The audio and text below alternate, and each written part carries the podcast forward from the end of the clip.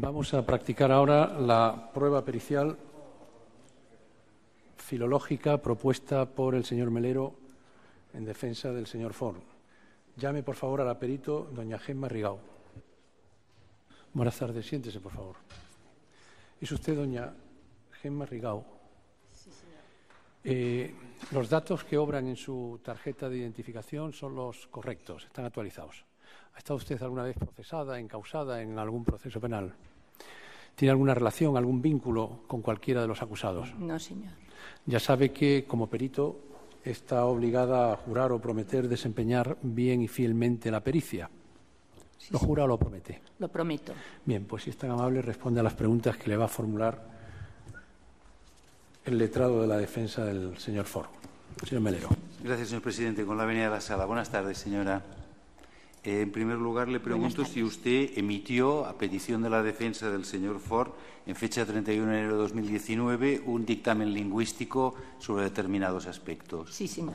Yo solicito autorización al señor presidente para que la señora Perito tenga a la vista tanto el dictamen Sí, lingüístico como los dos documentos que le fueron Lo único que prohíbe la ley es que usted lea las respuestas, pero Vale. que se auxilie con los datos con los que quiera enriquecer su dictamen es perfectamente De posible. acuerdo. Sigo preguntando si para la confección de, su dicta- de ese dictamen se le facilitaron dos documentos. En concreto, un informe en lengua catalana de fecha 28 de septiembre de 2017, emitido por la Comisaría General de Información del Cuerpo de Mossos de Escuadra, y una traducción al- a la lengua castellana del mismo. Sí, señor. Eh, ¿Cuál es la cualificación de usted para la emisión de este informe?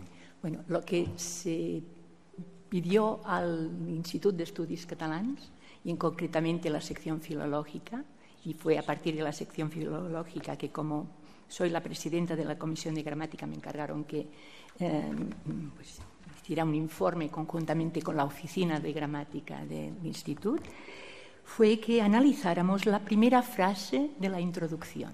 Bien, ahora le iba a preguntar por ello. Entonces, a la vista de estos dos documentos, recuerda usted que la primera frase del documento en lengua, castell- en, en lengua catalana era el dia 1 d'octubre de 2017 s'ha de celebrar el referèndum d'autodeterminació de Cataluña y que la traducción en lengua española en el documento con el sello que se le facilitó decía que el día 1 de octubre de 2017 se ha de celebrar el referéndum de autodeterminación de. Cataluña. Entonces se le planteaba, se planteaba al Instituto de Estudios Catalanes si esta era la traducción correcta. Eh, he olvidado preguntarle antes de que me conteste a esto cuál es la autoridad en materia lingüística del Instituto de Estudios Catalanes y de su comisión de gramática.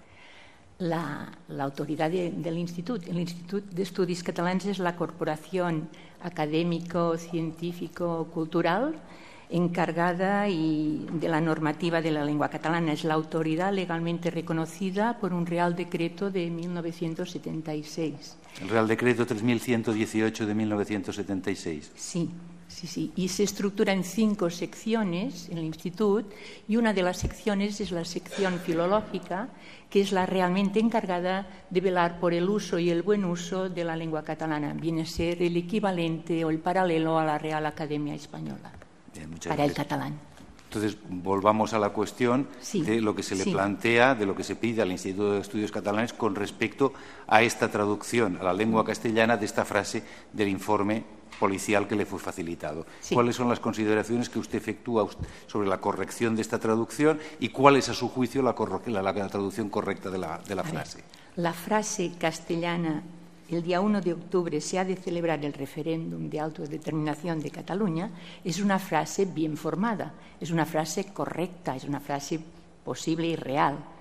Lo que pasa que en este contexto y como traducción de la frase catalana, no es adecuada ni desde el punto de vista discursivo por el texto en el que aparece, que es un texto que está mm, enmarcando y proyectando los posibles escenarios que pueden darse el día 1 de octubre si se da eh, si se hace el referéndum, ni tampoco pragmáticamente, porque en, español esta construcción puede tener un sentido mm, obligatorio cuando en realidad esto es un informe de la Comisaría General de Información de los Mossos de Escuadra dirigido a sus superiores. Por tanto, pragmáticamente tampoco se entiende que pueda ser una orden, un mandato, pero tal como está traducida directamente del catalán, como es una traducción literal, podría dar, eh, podría permitir esta interpretación que no tiene en cambio en catalán.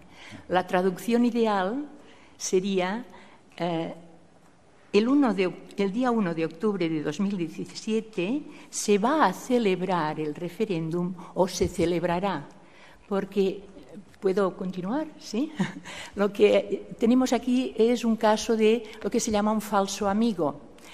Una palabra puede aparecer en dos lenguas, pero puede ser que su significado no coincida ni totalmente ni parcialmente. Y en el caso de la perífrasis verbal haber de más infinitivo, nos encontramos en, un caso así. Resulta que en español haber de más infinitivo existe, también existe en catalán, pero en catalán tiene tres significados, como en gallego, en esto el catalán no es una rareza, y en cambio el español tenía los tres significados, pero con el tiempo perdió uno a favor de va a más infinitivo. Si puedo poner un ejemplo, ¿puedo? Si decimos en español hemos de cumplir ciertas normas, aquí en catalán diremos hem de cumplir ciertas normas. Y en las dos lenguas, este hemos de o hem de tiene el valor de obligación, de, de necesidad. Pero si decimos en español un coche así ha de valer mucho dinero, o en catalán un coche así, un, perdó, un coche així ha de valer molts de diners, Aquí ya no tenemos el valor de obligación, tenemos el valor de eh, probabilidad, eh, podríamos decir, seguramente valdrá mucho dinero, es decir, de posibilidad, lo que en gramática se denomina un valor epistémico. Y hasta aquí coinciden las dos lenguas. Pero después el catalán continúa con otro significado, como el gallego, que es el significado prospectivo, el significado de futuro. Si decimos en español algo así como todo indica que mañana no va a nevar o no nevará con valor de futuro, en catalán podríamos decir todo indica que mañana no ha de nevar o no nevará. En catalán no tiene el va más infinitivo con sentido futuro, lo tiene con sentido pasado. Por tanto, utiliza otras perífrasis. Y este valor de futuro para haber de es reconocido, y esto es muy interesante para este caso, por la, nueva gramática de la Real Academia Española, la gramática de la lengua española de, de 2009. Se dice allí que en el español hablado en el noreste de la península ibérica se usa haber de con valor de futuro por influencia del catalán. Incluso podríamos decir que hoy día en, los lenguajes más especializados, los registros más elevados, como el lenguaje jurídico, muchas veces se encuentra haber de con valor de futuro, como se encuentra también en algunas, eh, con unos refranes del tipo agua que no has de beber, déjala correr, que es agua que no vas a beber, déjala correr. ¿eh? O no habré yo de callarme, no he de callarme en casos así, no me callaré. Por tanto, la conclusión es la, traducción de esta frase concreta, en este caso, tenía que conservar el valor de futuro, el valor prospectivo que tiene el catalán.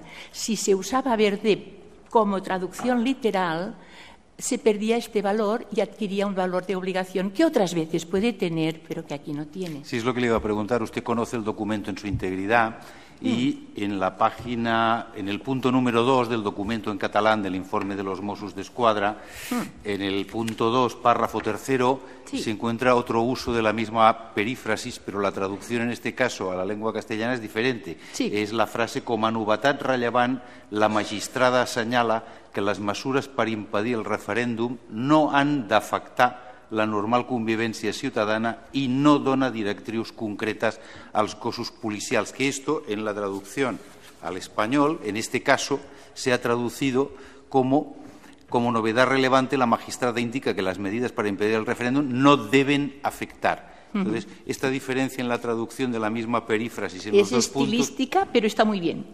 Si hubieran dejado ande, también, porque claro, las indicaciones de una magistrada son órdenes. Y por tanto, si la magistrada dice que las medidas no, deb- no, no deben afectar o no han de afectar, está diciendo lo mismo.